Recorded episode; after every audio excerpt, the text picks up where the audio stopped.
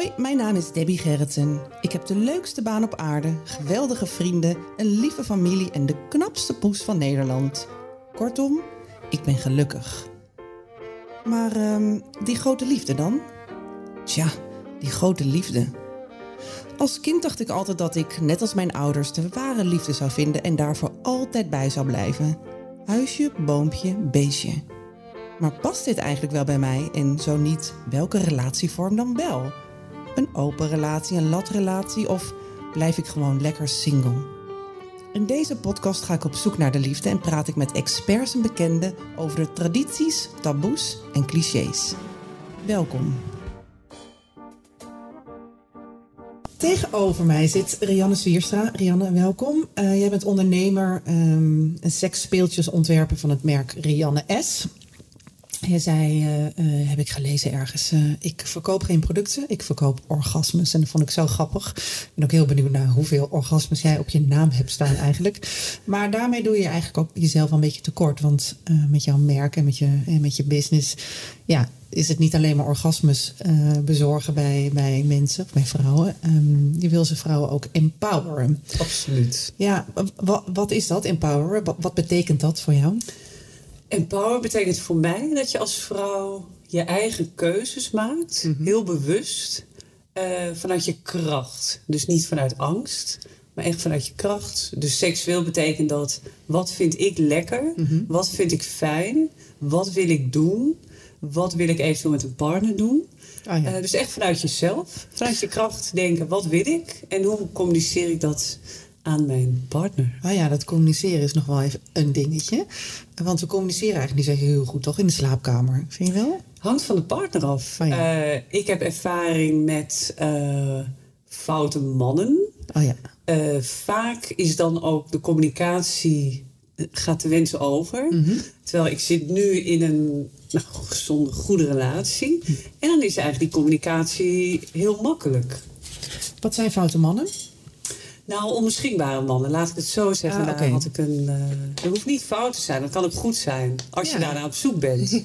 ja, nou ja, goed. Ja, onbeschikbaar is onbeschikbaar, dus je hebt er niet zoveel aan. Alleen als je zelf iets beschikbaar wil en je valt op iets onbeschikbaars, dus laten we het even wat duidelijk. Onbeschikbare mannen. En daarmee vond ik de communicatie uh, moeilijk. Ja, maar ja, ja, dat snap ik. Hey, en, en als we even teruggaan naar de slaapkamer, zijn, zijn vrouwen minder bedreven in, in, in, ja, in, in zichzelf kunnen uh, onderhouden of pleasen. Hè? Dat, hè, terug naar de empowerment. Um, is dat voor vrouwen moeilijker dan voor mannen?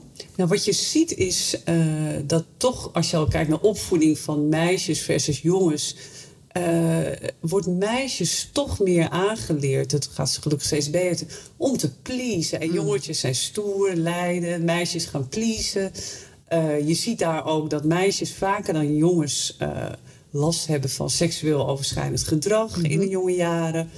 Uh, dus kun je wel stellen, denk door onze cultuur, uh, dat het voor meisjes en jonge vrouwen moeilijker is om ervoor uit te komen: hé, hey, wat wil ik? Ja, en dat zie je dan uh, natuurlijk vooral terug ja. in de slaapkamer, waar ja. je toch op je kwetsbaars bent. Ja, want uh, misschien is het ook zo dat vrouwen als seksueel wezen natuurlijk nog niet zo heel lang erkend zijn. Ik bedoel, vrouwen waren vroeger, ik weet niet hoe jouw seksuele voorlichting was, maar die van mij ging vooral, even, ging vooral over uh, ja, wat we kunnen doen met een baarmoeder, namelijk kinderen maken. Ja, bij mij kwam een, voortplanten. een doos, ging door de klas. Een doos? Met, ja.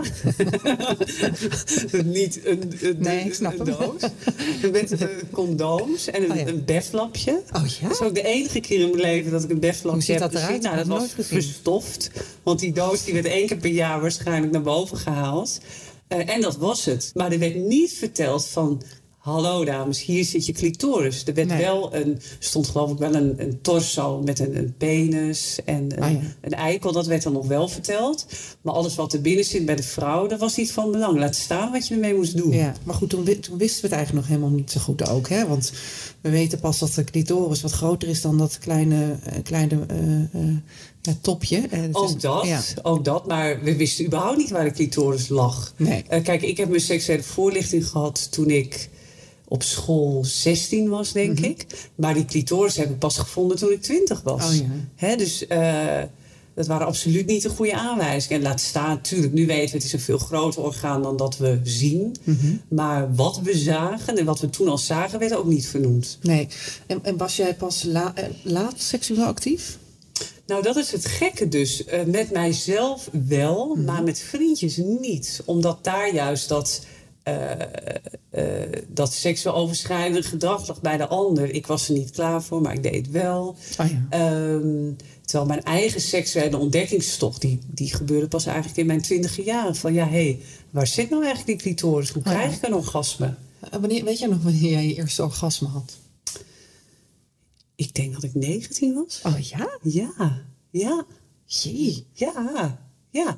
Nou, maar dat komt dus omdat mij niet is uitgelegd waar die lag. Oh ja. Tuurlijk hè, kun je zeggen, je had je eigen verantwoording kunnen nemen. Je was hem zelf kunnen gaan zoeken. Ja, als je niet weet waar je naar moet zoeken, dan weet je het ook. Nee, maar dan ben je een puber. Eh, hoe ver is een puber bereid verantwoordelijk voor het zoeken van haar eh, clitoris? Ja. Ja, je immig. Maar goed, dus daar, maar dat heb je dan wel goed ingehaald, neem ik aan. ja, ik heb het absoluut ingehaald. Ja, dat is allemaal goed gekomen. Hey, ehm, ik, eh, ik, ik ken jou al een tijdje en eh, we, ik heb jou ook wel eens eh, gezien op een beurs. Hè, want jij, hebt, jij, jij maakt een speeltjeslijn met heel veel, ja, best wel mooie, zachte, zachte producten. Heel vrouwelijk allemaal. En ik kan me nog een beeld herinneren, dat ze, daar moest ik net aan denken toen jij hier naartoe kwam fietsen. Dat wij elkaar op een beurs in Hannover hebben gezien. En die, dat is een soort, ja, is een seksbeurs, hè? zo kun je dat wel Ja. stellen. En dan staat er in zo'n hal, zo'n kille hal, met allemaal ja, stands met best wel heftige producten. Ja. Staat er zo'n zoet, mooi kraampje met steentje met jou. Met jij staat er dan in met jouw producten. En dan denk ik, jezus. Er staan ook nou, hele grote, ja, van die dooraderde dildo's. En, en ja, ik kan me ook nog een stand herinneren met allemaal ja, met dieren. ja, eh, die grote konten van plastic. niet normaal, joh. Ehm, ja, hoe, hoe verhoud jij je daartussen? Wat denk, ja, het lijkt me toch best wel een heftige... Hè? Ik bedoel, ik vond het al heftig. Ik was maar een dag. Ja. Nu is het, ik denk het, het belangrijkste dat, het, dat er alleen maar producten staan. Ja, ja. Hè? Dus mensen met producten die in seksshops verkocht worden. Mhm. Hè? Dus er staan geen, eh, er zijn geen vrouwelijke optredens. Nee, met nee, alle nee, dus dat is voor mij, eh, het gaat echt over producten. Ja. En er zijn inkopers. Ja. Dus in die zin eh, is het wel een hele zakelijke beurs. Mhm. Eh, er gaat ook veel minder testosteron rond, rond dan in de meubelindustrie in Italië, waar ik daarvoor heb gewerkt. Oh ja. Dus het is eigenlijk om te beginnen een hele veilige werkomgeving. Ja, ja. Ehm, ik denk dat ik juist met mijn producten een goed alternatief kan bieden.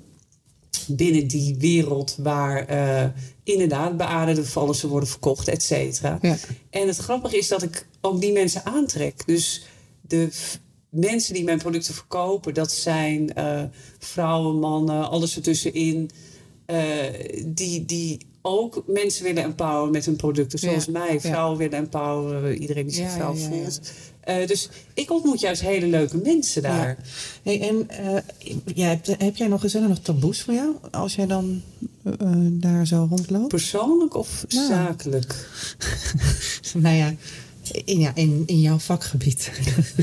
Kijk, mijn eigen seksuele leven is vanille. Dus ik heb Ja. absoluut niet iets eh, dat je bij mij een la opentrekt en dat er zo'n hele grote plastic kont met een gat erin eh tevoorschijn komt. Pas niet in je Nee, huis ook nee, waarschijnlijk. past ook niet. nee, de Jordaan is klein. Ja, ja. Eh, nee, dus ehm, persoonlijk niet. Zakelijk ben ik natuurlijk ook wel eens, vind ik wel dingen bijzonder. Hmm. Hè? Dus als ik die dierenlijn inderdaad was iemand die had altijd dieren, Ja, eh, geslachtsdelen nagemaakt. Ja. Eh, vind ik bijzonder. Ik heb ook wel zelfs wel een beetje een oordeel over. Ik denk, ik vind het eigenlijk ook vies. ja. Ehm, ik ben in Japan ook wel eens in seksshops geweest. Dat leek wel een soort laboratorium met allerlei Ja. gasmaskers. En heel bijzonder. Eh daar verwonder ik me erg over. Ja. Het is ook absoluut niet wat ik zelf wil. Ook niet denk wat de meeste vrouwen, degenen die zich vrouw voelen, willen. Nee. Eh, ja, eh, dus ik verwonder me erover. Ja. Ik weet niet of het dan een taboe is. Nee, maar, aan de andere ja. kant is het ook... Dat dacht ik dus ook bij... Vooral bij die dierenlijn dacht ik... Ja, ja, ja. En aan de andere kant... Ja, ik ben ook blij dat het er is. Want de behoefte is er kennelijk wel. Om, Ja. om, of denk je dat de behoefte er niet is... maar dat dat er te veel wordt gestimuleerd. Zeg maar het Nee, kip-ei verhaal. Ik denk dat eh, als je kijkt naar ehm, sowieso mensen die seksspeeltjes gebruiken, Mhm. denk ik dat 95% gewoon een vanille seksleven heeft. En daar bedoel ik mee, eh, dat is niet saai. Nee. Eh, die doen misschien de wildste dingen. Maar niet vanille zijn echt. Dan denk ik aan SM, BDSM, ja, ja. bepaalde fetishes. Hè? Ja. Dat is totaal niet mijn ding. Ik wil er ook niet persoonlijk iets mee te maken hebben. Ook geen producten voor maken. Maar ik denk dat het goed is dat er producten voor zijn. En prima dat eh, mensen dat als hobby hebben. Ieder zijn Ja. hobby. Ja, nee, dat is ook zo. Ja. Hey, en dan het, het vrouwelijk orgasme, eigenlijk staat dat wel centraal bij jou eh, in, jouw, ja, in je werk. Ehm, hebben veel vrouwen eh, orgasmes of niet? Hè, er zijn er cijfers van. van eh, daar schrik ik altijd heel erg van. Denk ik, is- zal dat echt Ja, kloppen? 10 tot 15 procent van de vrouwen eh schijnt nog nooit een orgasme gehad Ja. te hebben. Ja. Nou, als je dat, dat, die onderzoeken zijn gedaan, in veel, vooral in Amerika. Mhm. Ik weet niet, als je naar Nederland kijkt, de volwassen vrouwelijke bevolking. En 10 tot 15 procent van die vrouwen zou geen orgasme hebben gehad. Dat is heel veel. Enorm, Ik kan zo snel niet rekenen, maar dat is misschien evenveel als de stad van Arnhem. Mhm. hè? Eh, dus dat zijn veel vrouwen. Ja. En dat is erg. ja. Kijk, een orgasme is geen must. Nee, het is geen... Maar als we het dan over eigenwaarde hebben als vrouw hè, en Mhm. poweren, waarom zou je jezelf niet een orgasme gunnen? Ja. Daar gaat het over. Ja. Ja, want het orgasme is natuurlijk niet alleen maar het platte orgasme. Eh, het gaat natuurlijk ook over, ja, als je het niet, als je geen orgasme hebt gehad, dan vraag ik me ook af hoe, hoe, ja, hoe, heb je, hoe verhoud je je met je eigen lichaam? Hoe goed ken je je eigen lichaam? En hoe kan je je laten gaan? Kan je je, voel je je vertrouwd in een Ja. omgeving? Daar gaat het natuurlijk ook allemaal om. Het gaat over genieten, het Ja. gaat over ontspannen, Ja. tijd voor jezelf. Want het is ook gebleken, hè, de meeste vrouwen gebruiken seksspeeltjes ook echt om te willen genieten. Ja. Hey, en ehm, eh, onze eh, Ellen Laan is deze week eh, overleden. Ik weet het, ja. Ehm, Ellen Laan was een wetenschapper hè, en eh, onderzoeker en, en heeft veel betekend voor, voor het vrouwelijk, ja, voor, voor, ons, voor ons vrouwen. Feminist was ze natuurlijk ook. Ehm ja, ze stond heel erg op de barricades om, om seks voor man en vrouw leuk te maken. Heb jij iets van haar geleerd? Ja, zij heeft mij natuurlijk ook geïnspireerd Mhm. in mijn verhaal te versterken. Hè? Eh, dat je als vrouw, om even terug te komen waar we het net over hadden, dat je orgasme best mag, ik wil bijna zeggen afdwingen ook met een partner, dat je daar best voor mag gaan. Mhm. Ja. En dat je daar ook om mag vragen. Ja. Dus ik vond haar, los van dat het natuurlijk eh, haar vakgebied, vond ik haar ook een fantastische feministe daarin. Ja, ja. Ja, en daarin heel inspirerend. Ja. Heb jij meer rolmodellen zoals, eh, zoals Ellen? Had jij dat hè, als j- jij bent opgegroeid in, in, in Drenthe, toch? Ik ben opgegroeid in Drenthe. Een klein dorp in Geen Drenthe. geheim, ja. Ehm, had, jij, had jij destijds ook rolmodellen toen jij jong was? Ja, ik, ik hou toch van eh warrior vrouwen. Hè? Dus Ja. de, de Jeanne d'Arc met het zwaard eh, vond ik heel inspirerend. Oh ja. Ik vind sterke vrouwen inspirerend. Ik vind Oprah Winfrey ook geweldig. Ja, ja, ja. Ik hou van sterke vrouwen. Die, maar ook met het zwaard toch symbolisch. Ja, die, eh, die vechters zijn. Oh ja. Eh, mijn tante van mij is lesbisch, is eh, een rolmodel voor mij. Sterke vrouw. Eh, mijn moeder, die, eh, ik heb het verhaal al een paar keer verteld, maar in de jaren tachtig gingen wij naar de Oostenrijkse Alpen. Mhm. Was het 30 graden, de conservatieve Alpen. En toen dacht mijn moeder, ik ga gewoon topless lopen, want al die andere mannen doen het ook. Nou, dat was zeer ongebruikelijk daar en is het waarschijnlijk nog steeds. Eh, maar dat liet mij al heel snel zien van, hé, hey, je mag als vrouw ook daarin je eigen keuzes maken. Ja, dat is toch ook Dus absoluut ook mijn moeder, ja. Dus jouw moeder, Ja. hoe, hoe waren de verhoudingen bij jou, bij jou thuis? Het is in die zin wel traditioneel dat mijn vader meer werkte. Maar toch is mijn moeder eh, in die zin wel feministisch. Heeft eh, haar eigen naam gehouden. Ze absoluut ook niet... eh ze absoluut eigen bankrekening, eigen naam. Uh, topless door de Alpen lopen. ehm. ja. dus daar heb ik toch wel van meegegeven. Ja. Ik ben ook vernoemd naar een feministe. Oh, vertel. Nou, dat was een feministisch toneelstuk toen mijn moeder zwanger was. En die vrouw heette Rianne, de Oh, ja? hoofdrolspeelster. Ja. Oh, wat leuk. Ja. Dus- Wat geweldig. Ja, ja, ja. En dat allemaal in Drenthe. En dat allemaal in Drenthe, Maar precies. en wat, wat, heb, heeft jou, wat, hebben jou, eh, of wat heeft jouw moeder jou geleerd over seksualiteit en over Ja, dat, liefde? dat dan weer weinig. Dat Mm. moest ik toch een beetje zelf uitzoeken. Ja. ja dus daarin... eh, Hoe kwam dat, denk je? Nou, zij is toch van een katholieke opvoeding. Ja, En ik denk, zij heeft zich wel vrij... eh, ze is wel zo vrijgevochten geweest. eh, niet met hetzelfde geloof trouwen. De kortste rokjes van het dorp. Eh nou, topless door die Alpen, et Mhm. cetera, et cetera. Maar eh, ik, ik denk op seksueel vlak toch iets minder ambitieus. En iets, toch iets meer beïnvloed toen door het geloof. Waarschijnlijk in de jaren 50, 60. Dus het geloof, heeft het geloof eh, een grote, grote rol gespeeld in jouw opvoeding? Nou, niet bij ons, want het Nee. heeft de feminist zoals ze is natuurlijk volledig laten vallen. Nou ja. Ook echt, ja, daar had ze helemaal niets mee. Nee. Nee. En jouw Maar ik- vader? Oh, sowieso niet. Mijn Nee. vaders familie die, die zijn van de wetenschap, wetenschappers. Oh, ja, ja. En eh, niet, niet, helemaal niets van het geloof. Nee. Een beetje anti. Ja. Ja. Dus er werd eigenlijk niet heel veel gepraat thuis over seks en over de liefde. Nee, maar ik ga dat bij mijn eigen dochter eh, wel anders doen. Ook, ook nu al, weet je, ze is nu nog klein. Maar als ze wat groter is, is een van de eerste dingen die ik haar ga leren... eh, dit is jouw lichaam, Mhm. daar mag niemand aankomen. Nee. Behalve op verzoek als je ouder bent. Ja. Eh, je moeder verschoon misschien de luier en de, oppas, whatever. En dat that's it. Ja. ja, je dochter gaan we het zo over hebben. Ehm, ik wil het eerst met jou nog hebben over... Seks en de liefde.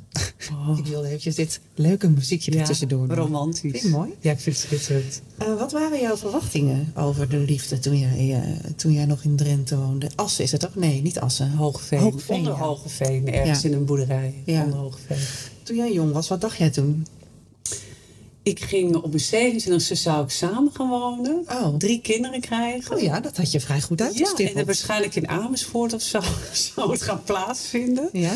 Eh, dat, dat, dat was het. Nou, ja. dat is eh, niet gelukt. Nee. Wat is daar misgegaan? Van alles is er Of misgegaan. wat is eigenlijk goed gegaan, Ja. kun je ook zeggen? ik bleek namelijk op mijn, tot mijn 33e bleek ik eh, totaal niet klaar voor een relatie. Nee. Ehm, ik had een grote voorkeur voor onbeschikbare mannen. Ja. Dat kon van alles zijn. Ze konden ver wonen, vreemd gaan, getrouwd zijn, drinken, heel veel drugs. Maakt allemaal niet uit. Als ze maar niet beschikbaar waren. En ook niet goed voor jou waren dus. Nee, absoluut niet. Eh, Nee. En ik wou een relatie, maar dat was een beetje alsof ik eh, ja, bloemen ging kopen in de juwelierszaak. Ja. Of in een ijzerwarenwinkel, die waren er niet. Nee. Eh, dat heeft tot mijn 33ste geduurd. Hoe en kwam dat? Hoe, waarom, waarom had je die voorkeur? Weet je, kan je dat... Ja, zeker. Ehm, qua, ik, ik heb toch niet goed geleerd die intimiteit aan te gaan.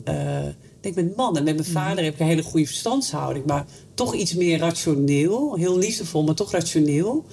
Eh, en ik denk dat dat ermee te maken had. Ik was ook een beetje lastige puber. Toch wat afstandelijk. Hm. Eh, dus mijn blueprint eh, van intimiteit was toch matig. Met mezelf kon, had ik het ook niet. Hè? Dus eh, voor mij is intimiteit ook jezelf kennen. Van hoe voel ik mij? Wat, is- ben ik angstig? Ben ik bang? Of ben ik verdrietig? Blij? Eh, die, die, die touch had ik ook niet met mijzelf. En ik, die twee dingen samen, daardoor kon ik het ook niet met een partner. Kon het ook niet met mezelf. Nee, want je zegt, je zegt eigenlijk, je, wil, je wilde op je 27e drie kinderen in Amersfoort wonen. Best Ja. wel een... Ja, en... Maar toen was ik 15, hè, toen ik die wens Ja, had. oké, maar goed. Toen Nou ik ja. 18 was, liet ik Amersfoort wel, wel zitten hoor. Ja, oké. Toen was het, was Ja. het 27 drie kinderen in Amsterdam. precies. Dus dat brokkelde zo langzaam Ja, af. Maar goed, vanaf dat beeld naar, ja, naar een, een leven tot aan je 33ste met heel veel foute mannen. Ja, daar zit wel wat tussen. Ja, ja, absoluut. Eh, ja. Eh, wat, wat zocht jij dan? Wat voor beeld had je daarbij? Had je, eh, wat zocht jij dan in die mannen? Wat, wat gaf dat jou? Ik zocht iets wat ik niet in mijzelf vond. En dat was namelijk veiligheid en eigenwaarde. Echt, echt op het hele diepe niveau. Eh, ik had toch niet goed genoeg geleerd van mezelf te houden. En ik had ook helemaal niet, niet het idee dat ik echt voor mezelf kon zorgen. Dat ik echt financieel goed voor mezelf kon zorgen. Eh, dat ik veilig was. Eh, en die dingen zocht ik in mannen. Dus voor mij, veiligheid zat hem dan in dat een man piloot was. Want dan dacht ik, als hij een vliegtuig kan vliegen, kan hij mij vast ook wel redden. Ja, ja, ja. Maar die bleek dan een dubbele relatie te hebben Ah, in de Monaco. Dus zo veilig was het niet. Nee. Eh, status was voor mij eigenwaarde. Dan zocht Ja. ik een eh, minister ergens in België. Want dat reflecteerde dan ook een beetje op mij. Ah, amai, Ehm, minister. Ja, dus die motieven van mij in Ja. de liefde...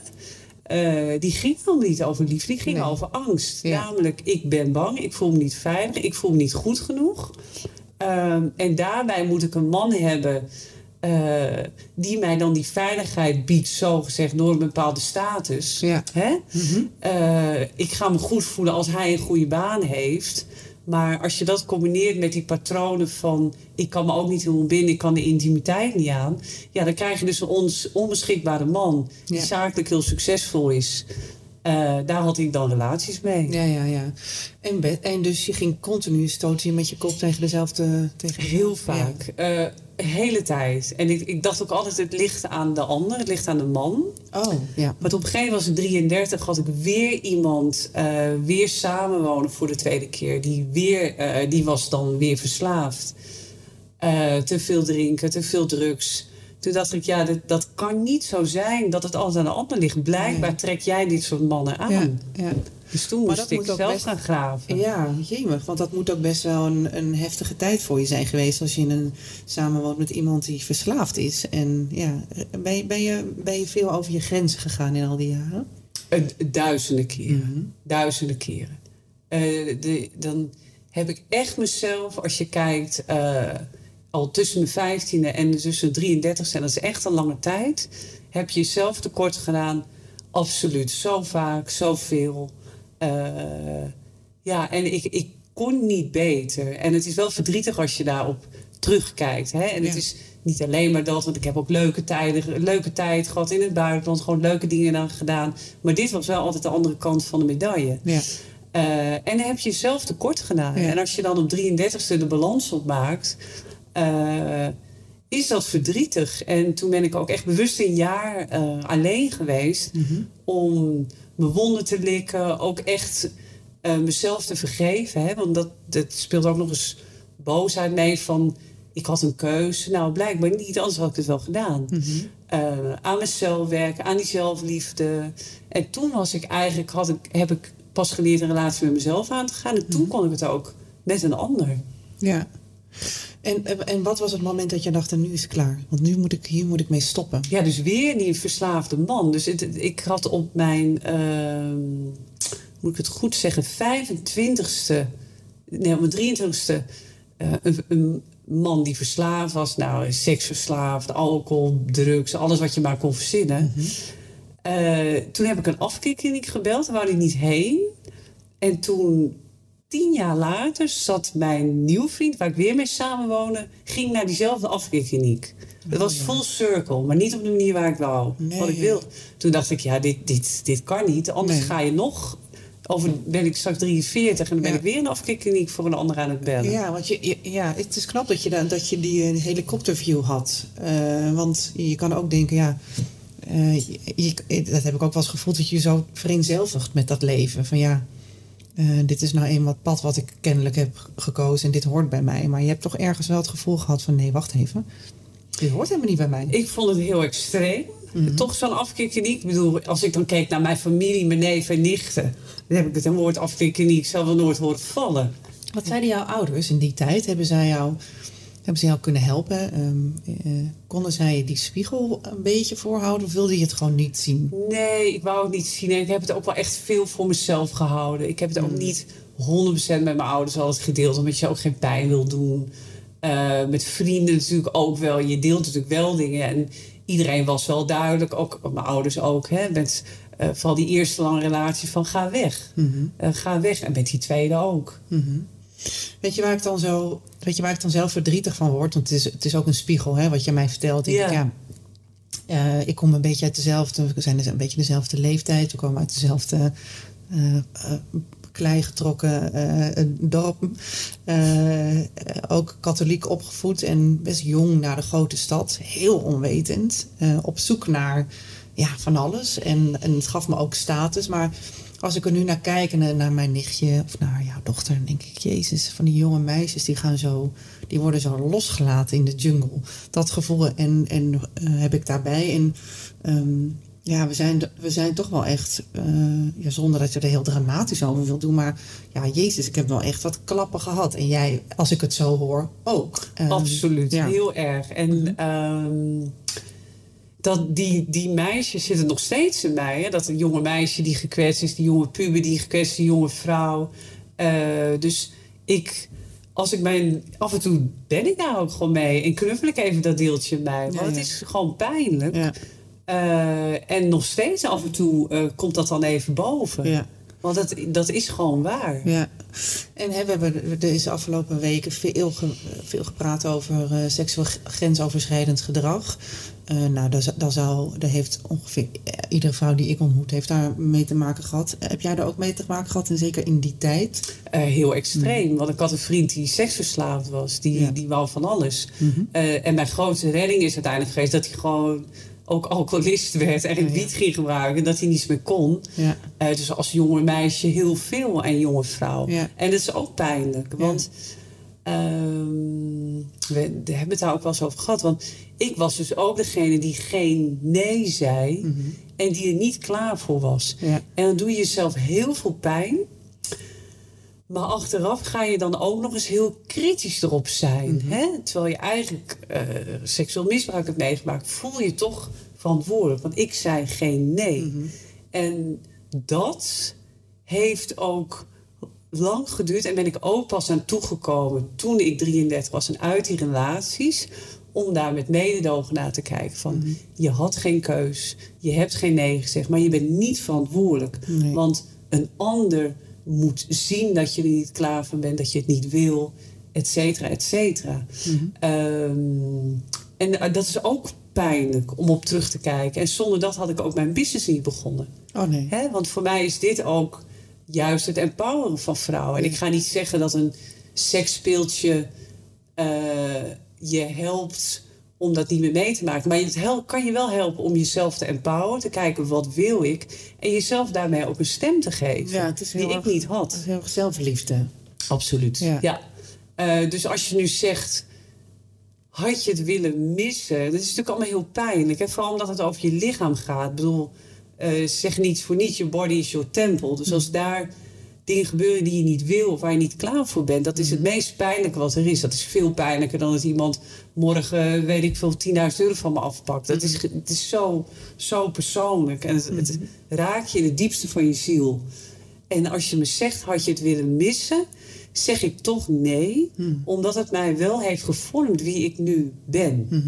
Maar je zou het een ander niet gunnen? Absoluut niet. En mijn dochter. Uh, 0,00%. Ik ga er alles aan doen um, om dat haar zo sterk mogelijk te maken. Want daar gaat het over. Ja. Hè? Te empoweren. Zodat zij nee kan zeggen en ja, gewoon doet wat zij wil. Want dat miste jij toen. Jij durf, wat miste jij toen? Welke handvatten had jij nodig op dat moment? Een stem die nee zegt, maar daarvoor komt nog in touch zijn met je gevoel. Mm -hmm. Van wat wil ik nou eigenlijk? En dat was er niet eens. Het was niet eens alsof mijn lichaam van mij was. Hè? Dat ik voelde van, oh, dit vind ik fijn, dit vind ik niet fijn. Want je moet dat eerst voelen voordat je nee kan zeggen. en dat was er niet eens. Nee. En voelde jij je in dienst van, van jouw toenmalige partner? Ja, absoluut. Want het, het gaat over people pleasen. Maar dan op een heel uh, destructief niveau. Namelijk seksueel. Ja. Ja. En als, je, als we uitzoomen, denk je dat dat, uh, dat dat niet een groter probleem is ook? Dat vrouwen veel meer in dienst. Dat het dus, je kan jezelf natuurlijk empoweren, maar mijn vraag is eigenlijk: hebben we niet wat meer nodig om, om vrouwen uit die dienstbare rol te krijgen? Dat begint al bij jonge meisjes. Om niet te leren, jonge meisjes mogen stoer zijn, jonge meisjes mogen slaan, mogen gillen, mogen krijzen en mogen al mogen hun stem laten horen ja. als jong meisje. Ja. Want als je, dan heb ik het over twee, één, gewoon een klein kindje. Mm -hmm. uh, ik denk als je daar al leert van je mag je stem laten horen, je mag horen als je iets niet wil, laat het maar horen. Je hoeft niet liefde te verdienen hè? Nee. door bepaald gedrag. Uh, zoetig, sappig, lief, schattig. Mm -hmm. uh, je verdient je liefde door wie je bent. Ik denk als je op dat niveau begint dat als zo'n meisje puber is, dat er veel minder werk aan de winkel is. Dus ik denk dat het veel jonger moet beginnen. Mm. En Ehm, ja, en, en dan een combinatie natuurlijk van geen stem hebben, slechte mannen aantrekken. Hè? Eh, we hadden het net over foute mannen, ik noemde onbeschikbaar. Maar wat echt fout is, is dat jij seksueel dus uh, een andere gebruikt. En niet inschat wat hij wil. Dat, dat gaat veel verder dan fout. Hè? En die combinatie is natuurlijk giftige beker. Ja. Vind jij dat er dan te weinig over dat grijze gebied, waar, waarvan ik ook altijd een beetje een jeuk krijg? Want grijs, denk ik, ja, het is toch niet zo heel grijs. Nou, ik, maar, ik vind heel veel dingen best wel logisch, maar goed, dat kan aan mij liggen. Vind je dat we dan dat over dat grijze gebied meer zouden moeten praten? Ja, communiceren, mhm. leren communiceren. Hè? Want. Uh, als je kijkt, uh, als ik kijk naar seksueel overschrijdend wat ik zelf heb meegemaakt, wat je heel erg ziet, is dat daar ook geen communicatie plaatsvindt met de ander. Hè? Mm -hmm. dus er wordt niet eens getoetst. Wat wil jij? Wil jij wel?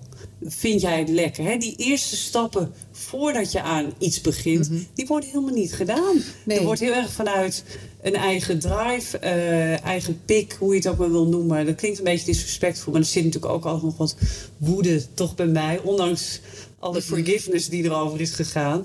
Hè? Uh, er wordt helemaal niet gecommuniceerd. Er wordt alleen maar aan vanuit de eigen ego gedacht van dit wil ik. Maar dat zit hem toch minder in de communicatie dan wel in in gewoon uh, een gedrags, het een gedrag van ik ga gewoon nemen wat ik wil. Of ik het nou wel of niet communiceer. Absoluut, absoluut. volgens mij zit het daar ook. Absoluut. Ja, En dus toch denk ik weer die opvoeding. Hè? Want waarom leren wij niet uh, vragen wat een ander wil voordat we onze eigen zin door Precies, want dat, hè, dat, grijze, dat, dat is dus het grijze gebied. Maar ik vind dat dus heel normaal. Je, je vraagt toch altijd aan een ander: hey, vind je het goed om. Uh, een voorbeeld. Vorige week zei iemand tegen mij: de, de klagende man, goh, ik mag, wij mogen ook helemaal niks meer. Nou, die hoor ik heel vaak. Heb jij dat ook? Dat mensen dat. Uh, wat mag ik nou nog wel? Wat mag er nou nog wel op kantoor? Mag ik nog wel een arm om een collega heen slaan? Vroeg iemand aan mij. Zeg ik, ja, maar dan moet je toch niet aan mij vragen? Moet je toch aan die collega vragen? Dat vraag je toch aan elkaar? Je, je toetst inderdaad toch bij elkaar in, uh, in plaats van het maar doen. En ik denk dat het daar vooral inderdaad. Ja, maar wat je dus ziet, wat uit mijn eigen ervaring, ik heb er dus meerdere keren met seksueel overschrijdend gedrag gemaakt, verschillende mannen, jongens uh, dat, daar wordt niet gevraagd. Die doen gewoon. Die doen gewoon. Die doen gewoon. Ja. Daar wordt helemaal niet gevraagd. Nee. Daar wordt niet gevraagd. Nee. Hè? Uh, en daar gaat het al mis. Ja, dus het zit hem eerder in het gedrag dan in de manier hoe wij communiceren. Ja, het zit hem het in moet een, gewoon, het hele communiceren moet erin ingeramd ja, het worden. zit hem in een ruimte innemen ten koste van een ander. Op een heel delicaat gebied. Ja. Waar de tegenpartij, hè, dat zijn vaak meisjes, toch vaker mij, homo's hebben, heel veel mensen hebben last van, maar vaak meisjes, jonge vrouwen, mhm. jarenlang last van hebben, trauma's krijgen. En gewoon omdat jij je eigen ruimte inneemt, te veel inneemt. Omdat die ruimte er ook altijd is. Ja, er, uh, er is inderdaad, dan kun je zeggen: oké, je moet als meisjes, jonge vrouw leren om dan die grenzen aan te geven. Maar dat voelt lang niet altijd zo veilig. Dat is lang niet altijd zo makkelijk. Uh, dus bij beide moet dat gedrag worden veranderd. Mm -hmm. Hè? Uh, aan beide kanten, beide partijen. Ja. Ja, uh, interessant hè? Ja, heel interessant. En ik denk ook dat er een. ik denk ook wel dat er een generatie. En dan hoop ik echt dat er een generatie komt waarin dat iets anders zal gaan. Dat mijn nichtjes en jouw dochter straks um, ja, eh, toch echt wel wat meer, uh, ja, wat meer ruimte hebben. En wat minder dit soort, dit soort uh, MeToo-verhalen zullen meemaken. Wat... Ik denk dat wel. Want als je kijkt... Ben jij wij... Ja, ja, zeker. Hmm. Want als je kijkt, uh, wij zijn opgevoed door onze moeders die vaak in de jaren 50, uh, begin 60, misschien eind 40 zijn geboren. Hè? Uh, door moeders, dus onze oma's, die zaten in de meest traditionele rolpatronen die er was. Ja, ja. Uh, de meeste, hè? ik ga niet zeggen iedereen, maar de meeste oma's wel. Uh, die was thuis voor de kinderen aan het werk, thuis alles doen, de man was aan het werk. daar had je niet zoveel te willen als vrouw. Nee. Hè? Goed, toen is de, de feministen zijn er gelukkig gekomen in, in, in de jaren 60, eind jaren 60. Maar mijn moeder heeft toch die dubbele, dat, dat dubbele nog meegekregen. En een hele traditionele opvoeding. En daar, oh, en daar uh, je van uitvechten. Mm Ehm, wij, ik als generatie, wij hebben echt geleerd, uh, door vallen en opstaan, ik in ieder geval, mijn stem te leren gebruiken. Mhm. Ik denk ook veel meer van onze generatie. Dus ik denk, al diegenen die na ons komen, dat die dat ook veel beter gaan kunnen. Ja, ja. Maar nu denk ik heel erg vanuit de vrouw. Eh, jongetjes vind ik dan moeilijker hoe dat zit. Maar ik denk, je ziet ook, doordat vrouwen gelukkig allemaal meer zijn gaan werken, zien die de vrouw ook in een andere rol Ja. dan alleen maar één die thuis achter het aanrecht staat. Ja, ja. Nee, ik denk het ook. Hey, over moederschap gesproken. Jij bent eh, een jaar, nou iets langer dan een jaar. September is jouw, Ja. jouw dochter Ja. één geworden. Ja, Ehm, je bent moeder geworden. ik ben moeder geworden. Nou, ja. Nou, ja, heel leuk. Je hebt een prachtige dochter ehm, met een hele bijzondere naam. Apollonia. Ja. Ja. Hoe, hoe, hoe eh, is deze naam eh, ontstaan bij jullie? Nou, mijn vriend die doet nu mode tekenen. En een van zijn muses is Apollonia van Ravenstein. Dat is een Ah. fotomodel uit Ja. de jaren, eh ik, jaren 70, 80. Toen was, Ja. ze, was ze groot. Ja, Eh, dus op, daar is onze dochter naar vernoemd. leuk hoor. Ja. Ehm, wilde jij altijd al kinderen? ja, alleen nu ik zelf een kind heb, is dat meervoud wel enkelvoud geworden. Oh ja? Ja, absoluut. Ja. Eh, ja, wilde je kinderen? Ehm, Was het een droom toen jij in... ja, absoluut. Ik voelde wel altijd dat wil ik. Alleen het is ook een soort Ja, je wilde er drie. Je Het wilde is, in een, Amersfoort ja, wonen het met is ook een soort. Projectie of zo. Van wat jij denkt wat een kind is. Want je weet helemaal niet wat het is om Nee. een kind te hebben. Dus ik had een soort beeld van hoe het is om een kind te krijgen. En Ja. dat, dat wou ik. Ja, maar er zijn natuurlijk ook vrouwen die heel echt de drang hebben om kinderen, hè, eh, om echt moeder te worden. Had jij dat ook? Of, of was dat, zat dat een beetje zo in het midden? Snap je wat ik Ik had dat, ja, ja, ja. Ik had dat eh, tussen mijn twintigste en dertigste helemaal niet. Nee. Eh, toen dacht ik, misschien wil ik het wel niet. Na mijn dertigste kwam het wel. Ik weet ook niet of dat dan iets biologisch is. Of, of, of een soort idee dat je van moederschap dat jou dat leuk lijkt. Of heeft het te maken met de Eh. partnerkeuze? Want jij hebt nu een hele... Ja, je, je, hebt een, ja, je hebt een fantastische relatie als ik het, als ik het zo op Instagram... Ja, nee, zeker. Ja, is zijn in- andere Instagram- relaties fantastisch, Debbie. Nee, dat weet ik. Maar, maar is, is, ja, dus na al die, die foute mannen ben jij wel een hele goede man tegengekomen. Ja, ik, ik, ik wou ook kinderen, dat wist ik toen ook Ja. wel. Dus eh, daarom ben ik ook natuurlijk ook dacht, oh, ik wil dit patroon niet meer. Nee. En maar dat gevoel als vrouw van ik wil een kind. Ik weet niet zozeer of dat is dat nou eh, biologie of is dat een soort beeld wat je hebt. Dat je denkt, oh dat lijkt mij een mooie droom, dat wil ik. Dat, dat weet ik verder niet. Maar ik had wel eens het gevoel van het lijkt mij leuk. Leuk om te doen. Ja. Leuk om te hebben. lijkt me leuk om te Ja, doen. lijkt me leuk. Dat, klinkt maar is, heel vind je het leuk? Ik vind het alles. Eh, ik, ik, het moeder zijn is het, het, het meest kleurrijke wat er is. Het is alles. Het is het mooiste wat er is, het meest liefdevolle. Sommige aspecten zijn ook het meest verschrikkelijke wat er is. Hè, mijn dochter die slaapt al een maand slecht. Hè, dus ik was vannacht tussen drie en vijf wakker. Ja, ja. Maar niet alleen vannacht, ook de nacht allemaal hiervoor. Ja, ja. En dat vind ik verschrikkelijk. ja. Eh, dus het, het is alles omvattend. Dus ik, ik vind dat je dat ook niet in één woord Nee. daaraan kan geven. Nee. Want het, het is allesomvattend. Ja. Ja. Heeft het je verwachtingen eh, waargemaakt? Had je, had, je er, had je er überhaupt een beeld bij? Ja, toch een Instagram-beeld. ik denk, nou, het eh, ik dacht, nou, je doet een keizersnee, want daar beneden wil je de boel zo heel mogelijk laten. Ja. Eh, dan probeer je zes weken, doe je zo'n kind aan de borst. Ja. Doe je het zo snel mogelijk in een crash. Ja. En dan ga je weer aan het werk. Oh ja. Nou, dat is allemaal was- niet. eh, het omgekeerde is waar gebleken. Uiteindelijk heb ik haar puur en tuur op de wereld gezet, zonder Mhm. pijnstillers. Dat ging prima. Eh, daar beneden met de vagina is het ook weer helemaal goed gekomen. Oh, overigens. dat is ja, dat-. Komt allemaal weer goed. Oh ja, dat trekt allemaal gewoon ja, dat weer trekt bij. gewoon weer bij, alsof het niets. eh, Dat is toch ook ja, bijzonder? het is, het is het meest magnifieke deel, lichaamsdeel wat wij als vrouw hebben. Het is ongelooflijk. ja. Ja, is ongelooflijk. Ehm, ik geef nog steeds borstvoeding anderhalf jaar later. Eh, ik ben ook minder gaan werken. Want ik dacht, ja, ik ga waarschijnlijk dit maar één keer doen. Dus ik wil er ook voor haar zijn. Mhm. De liefde die ik voor zo'n kindje voel is veel groter die, de, die ik had verwacht. Eh, maar de angst en die stress die ik over dingen heb... zijn ook veel groter dan ik had verwacht. Ja. Eh, hè, ik dacht, nou, ik doe het lekker gewoon freestyle. Ja. Eh, maar dan blijkt toch echt, een kind heeft wel echt het meest toch aan de drie R's. Ze zijn er niet voor niets.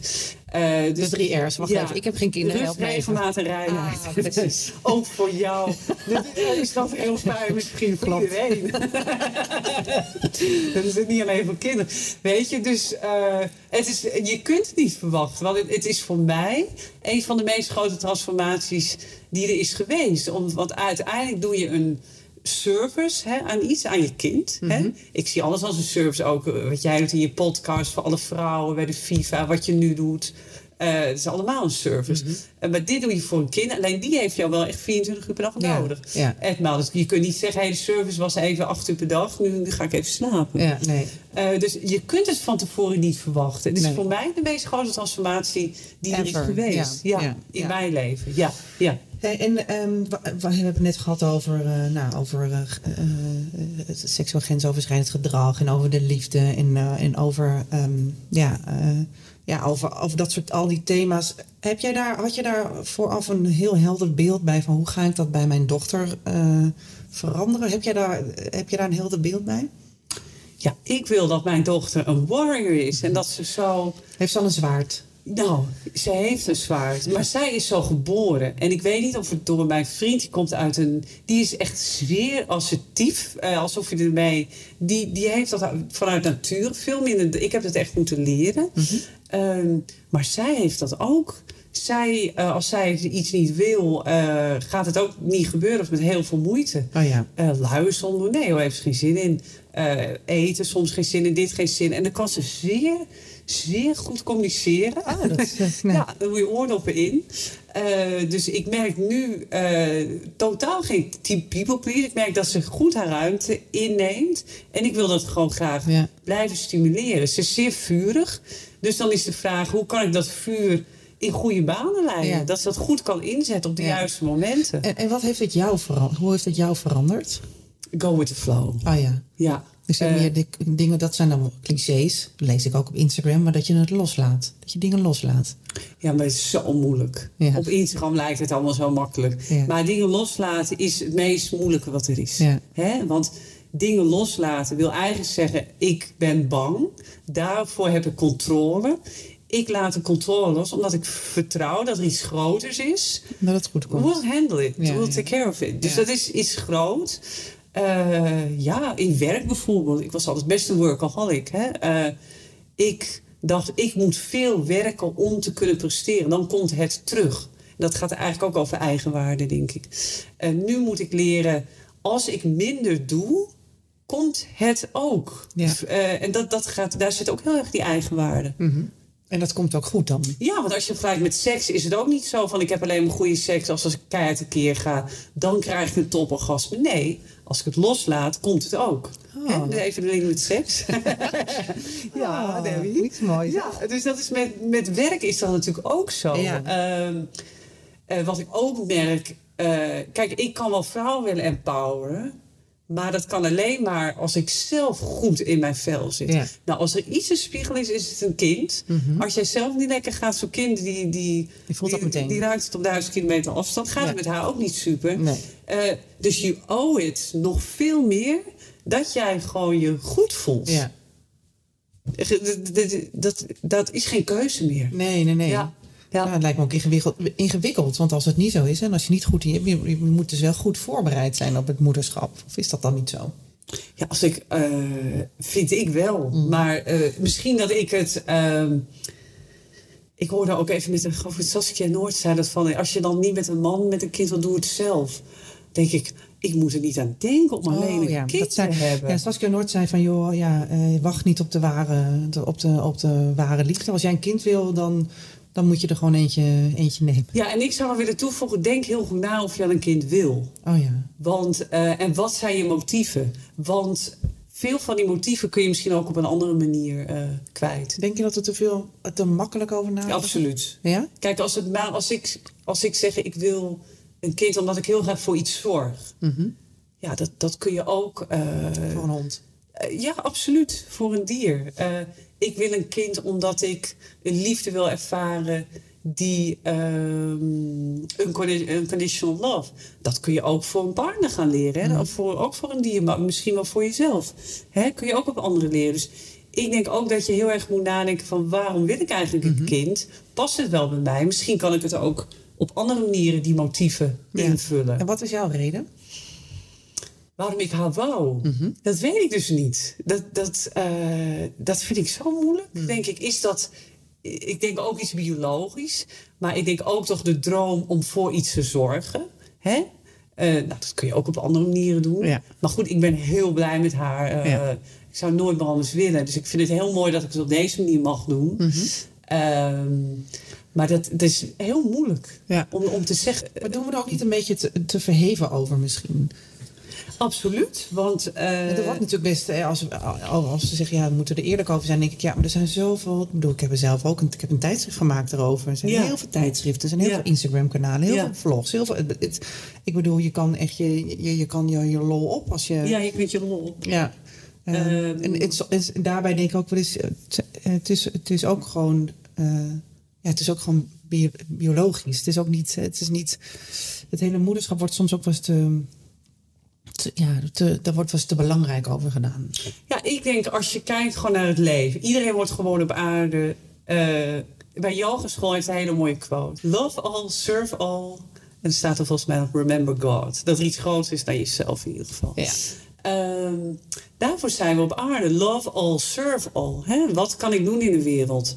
een kind opvoeden is maar één van die dingen. Ja. Uh, je, je kunt als vrouw minister-president worden. Je kunt in een dierenasiel gaan werken. Je kunt zoveel, je kunt doen wat jij doet. Mhm. Je kunt zoveel dingen doen. Mm op het moederschap wordt heel veel nadruk gelegd. Maar dat is maar één van de vele kleuren en facetten die je als vrouw kan doen. Ja.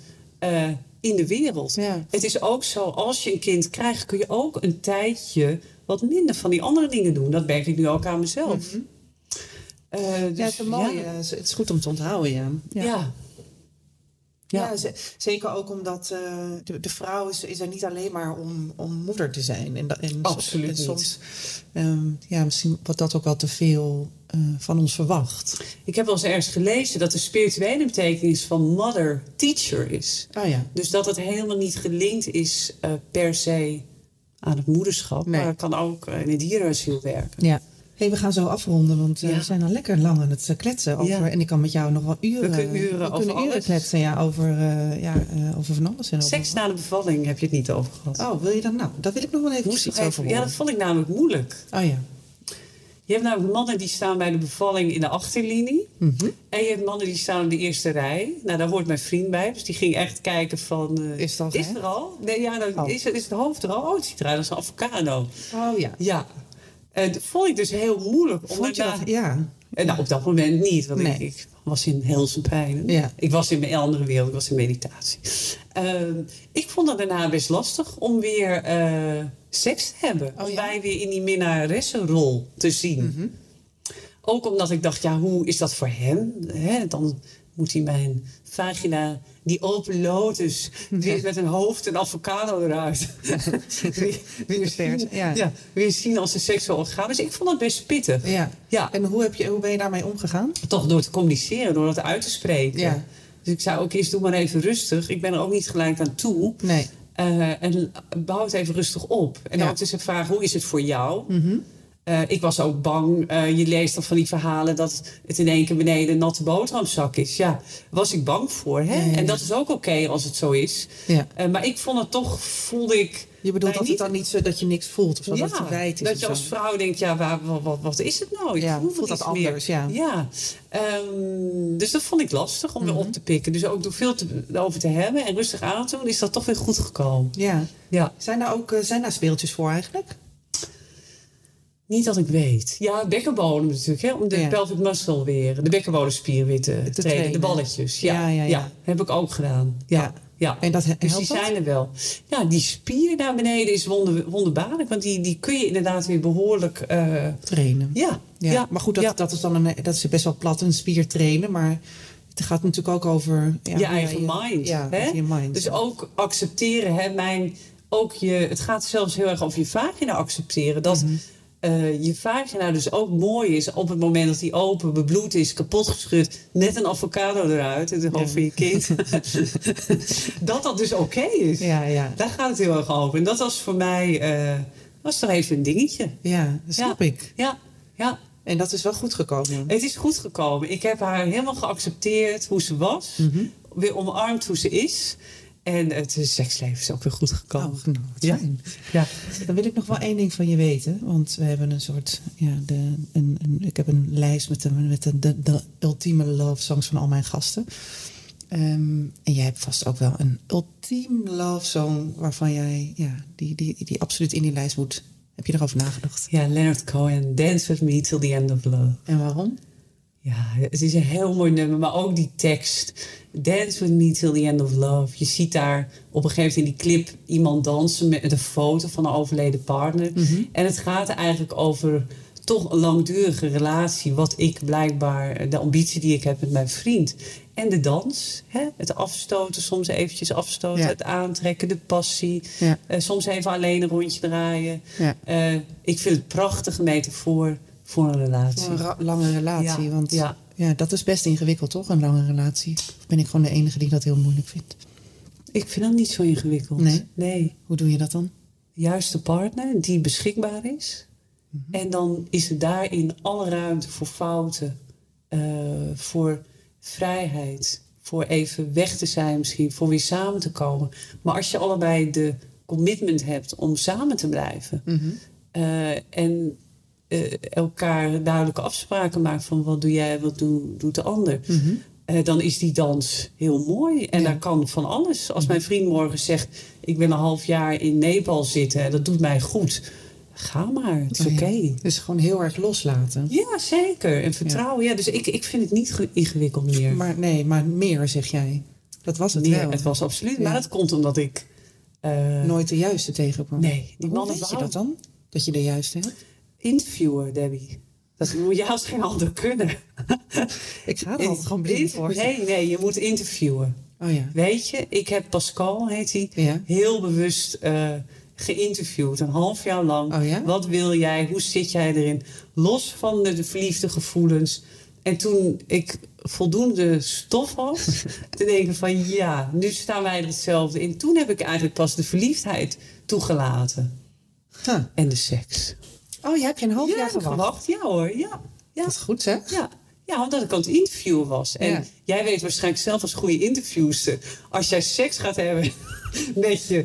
eh, Dan is het een heel ander dan interview. wordt het geen goed interview meer. Dan Nee. kun je niet meer objectief interviewen. Nee, dat doe ik altijd na het interview. Precies, Janne, dus we ja. kunnen zo... Nou, wij gaan even naar de Ja, slaap. we gaan naar de slaapkamer. Ik heb er wat speeltjes mee. Nee, ontzettend bedankt dat jij eh, mijn gast wilde zijn. Dankjewel, En eh, tot gauw. Tot snel. Love you. Even bellen met Alice. Alice Beijers. Debbie Gerritsen. Oh, lieve schat, jij zit gewoon in quarantaine. Ja, in, oh man, ik heb de Omicron. Heb jij Omicron? Ik heb de? Omicron. Hey, en hoe eh, vermaak jij je? Ik vind het saai. Ik vind het heel saai. Ja, Je wordt, niet, ik. je wordt niet fitter van binnen zitten, kan ik je vertellen. Nee. Hey, en eh, moeten we niet even Rianne vragen of ze een, eh, of ze een doosje, doosje speeltjes bij jou om de hoek komt slingeren? Ah, een quarantainepakketje. Een quarantainebox zou helemaal niet zo'n verkeerd idee zijn. Helemaal niet zo'n verkeerd idee. Dat is echt, ik denk dat je daar ook, ik, daar kun je een, een heel nieuw verdienmodel van maken als ik Rianne Ja. was. De quarantaine- quarantainebox. Ja, de quarantainebox, ja. Ja. Voor nog meer zelfliefde. Ja, want dat is echt iets, het enige wat je kan doen zo ongeveer. En Netflixen. In de slaapkamer zoomen. Ja, zoom in de slaapkamer. ja. Oh, ja. Nou ja, het geeft je wel een gelukzaliger gevoel. Je wordt er wel vrolijk van. ja, en het is goed voor je immuunsysteem. Ja. Ja, Ja, het is Elk- eigenlijk best een goed idee. orgasme is een boost voor, eh, voor je afweer. Dus ja, ik denk eerlijk gezegd dat het helemaal niet zo'n slecht idee is. Nee. Nee, Nee, misschien moeten we Rian nog even bellen. Dit is echt een goed Ja. idee eigenlijk, de quarantainebox. ja. Ja. Ja. Hey, en wat vond je van, eh, van het gesprek? Ja, ik vind Hartje, Hartje Rianne super eh, openhartig en, en zit helemaal lekker in de, in, de, in de wedstrijd hoe zij zeg maar haar visie op vrouwen en, en op wat ze doet. Ja. Dat ze orgasmes verkoopt, maar ook dat ze, ja, dat ze alles als een service ziet. Dat klinkt helemaal zoals ik uh, het, de wereld graag uh, benader. en uh, ja, ik vind dat ze dat heel leuk doet. Ja. ja. Ja, ze heeft echt goed over dingen nagedacht. En ze heeft natuurlijk ook best een heftige tijd gehad hè, met de verkeerde vriendjes en verkeerde partners. Maar wel hele bewuste keuzes gemaakt. Dat vind ik echt wel heel knap. En wat ik ook goed vind, is dat ze eigenlijk vanuit die, ja, vanuit die tijd dit bedrijf is, gaan, is gestart. Ja. ja, dat ze echt wel uh, vanuit een soort selfcare en zelfkennis ook dit is gestart. Ja, dat vind ik ook een hele mooie gedachte. En denk ja. ook heel hard nodig in deze branche hoor. Ik bedoel, je wilt het niet aan mannen overlaten. Nee, Nee, nou ja, wat ik al vertelde. Ja, ik ben daar dus wel eens tegengekomen in, die, op, in zo'n hal in Hannover. Uh, dat, is, ja, dat is echt heel leuk om te zien. Want zij geeft. Het is, ik bedoel, Rianne is natuurlijk een soort sparkle ook. En, die, en zij heeft, ze is heel lief en warm. En, maar in die hal, ja, het is heel keel. Met allemaal van die hele vreselijke, vreselijke stands. Met echt van die grote opblaasdildo's. En, en, en, en, en, konten en zo. En dan staat zij daartussen in zo'n heel zoet. Ja, zo'n liefelijk allemaal. En ja. Heel erg voor de vrouw, maar, maar, ja. maar zonder, dat het, uh, zonder dat het tuttig wordt of zo. Zonder dat het, ze heeft gewoon echt een goed, een goed verhaal erbij. Ja, nee, het is zeker niet tuttig. Nee, haar winkel ook niet. Vind ik ook tof. Ja. Ja. Ja, heel mooi. Ja. En uh, nee, ik, vind, uh, ik vond haar... En ik moest heel hard lachen om het interview. Dat ze een half jaar de vriend heeft geïnterviewd voordat ze... Ja. ja, ik vond het dus echt een heel goed idee. Oh, ik vond het wel echt, echt op en top neurotisch. Ik vond het heel erg Sex in the City. oh ja? ja ik, dacht, ja, wel een goed idee eigenlijk. Nee, ik vind het hartstikke goed. Maar je moet wel eerst, denk ik, heel veel zelfonderzoek hebben gedaan voordat je de goede vraag gaat stellen. Want anders ga je natuurlijk met al je projecties ga je iemand interviewen. En dan oh, ja. krijg je nog niet eruit wat je wil horen. Dan, nee, ik vond het voor don't try this at home, dacht ik. oh ja, dacht je dat?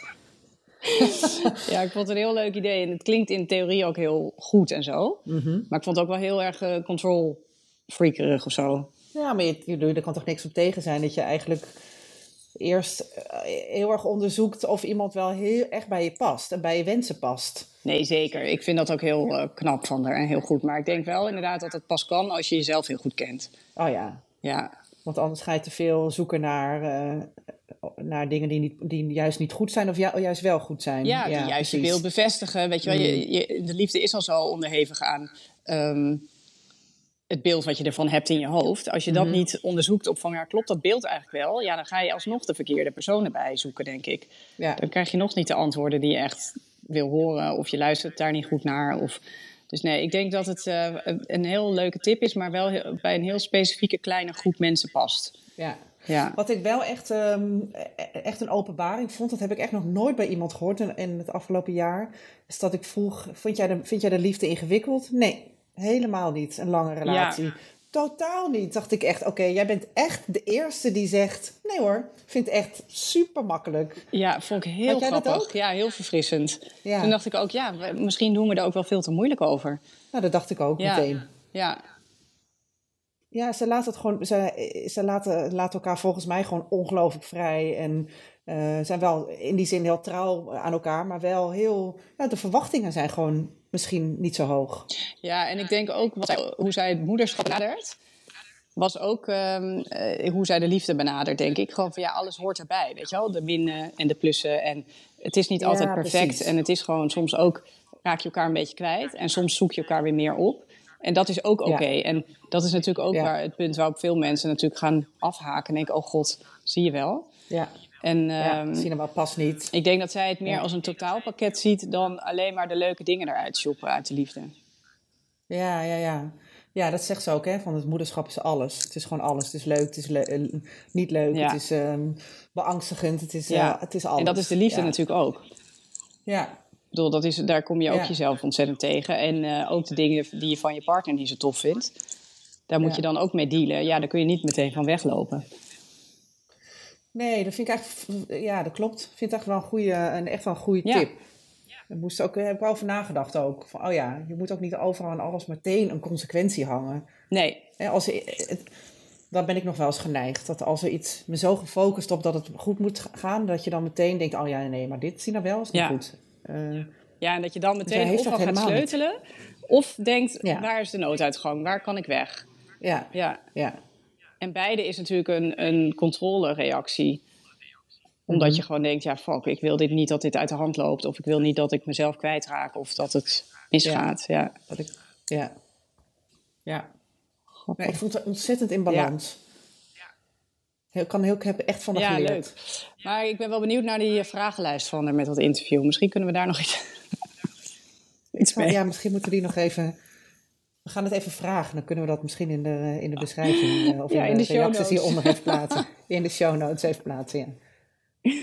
Ja, leuk. Ga ik even Oh, ik vragen moest aan trouwens haar. tijdens het interview wel heel hard lachen. Ineens dacht ik weer, oh mijn god, mijn eerste vibrator heb ik gewoon van jou gekregen voor mijn verjaardag. Ja, klopt. Een dolfijn was het, ja. weet je nog? Oh, dat ik toen al dacht, oh mijn god, is dit, mag dit wel van het Wereld Natuurfonds? is dit niet een bedreigde diersoort? Ik kan me vooral de reactie van jouw familie nog heel goed Nee man, je hebt herinneren. hem verstopt. Je hebt hem pas gegeven toen mijn ouders weer weg waren. Nee, toch? Ik, ik kan me herinneren dat het best een awkward moment Ja. was dat ik dit gaf. Nee, jij dacht, oh nee, ik geef hem pas als ze weg zijn. Oh, dus het was in mijn eigen hoofd is dit. het was wel een mooie dolfijn. Ik had echt een mooie het is een uitgekozen. proefexemplaar. Ik gebruik hem nooit meer, maar hij ligt nog wel in de la. En laatst toen er was ingebroken, toen heeft de, heeft de boef had die la opengetrokken. Toen dacht ik, ha, dat zal je leren. Dat kan je leren, dat oude ding. Ja, die voor de dolfijn in de Ja. ogen kijken. Maar ja, die is wel oud, hè? Je moet hem weggooien ja, weet ik, maar ik mag hem dus niet meer gebruiken. laatst denken van, waar, waar verwijder je die dingen? Moet dat bij het chemisch afval? Of wat is dit voor afval? Dat is ook een goede vraag. Misschien we het ook aan Rianne vragen. Maar die dingen gaan al een paar jaar mee, hè? Vijf jaar I of know, zo. nee. Ik, eh, ik, eh, ik, hij ligt ongebruikt uh, onder het stof in de la. Ik vind het wel goed dat je me bewaart, ja. ja oh, maar ja, inderdaad. Inderdaad, ja, de de dolfijn. Ja. Oh, dus ik, dat heb ik allemaal in mijn hoofd, dus dat iedereen heel gek Ja. keek. Ja, nou ja. Nou meid, ik ben blij dat je, dat je er heel veel plezier in hebt gehad. Een dolfijntje. Oké, nou, ehm, succes ja, daar thanks. in quarantaine. Misschien, eh, nu de dolfijn het niet meer doet, ga ik echt even Rianne vragen of ze niet een leuk pakketje voor je kan maken. Een corona pretpakket. Een, een corona pretpakket, een survival Ja. kit. quarantaine survival kit. Ja, ik moet En, nog eh, eh, volgende drie dagen week, of zo. Dus oh my god. Nou goed. Oh ja, nee, volgende week ben je er weer helemaal. Eh, en dan eh, praat ik met Anita Oh leuk. Kijk er naar uit. Ja, goed zo. Oké, hou hou je taai, hè? Jij ook. Ja, Doeg. doei.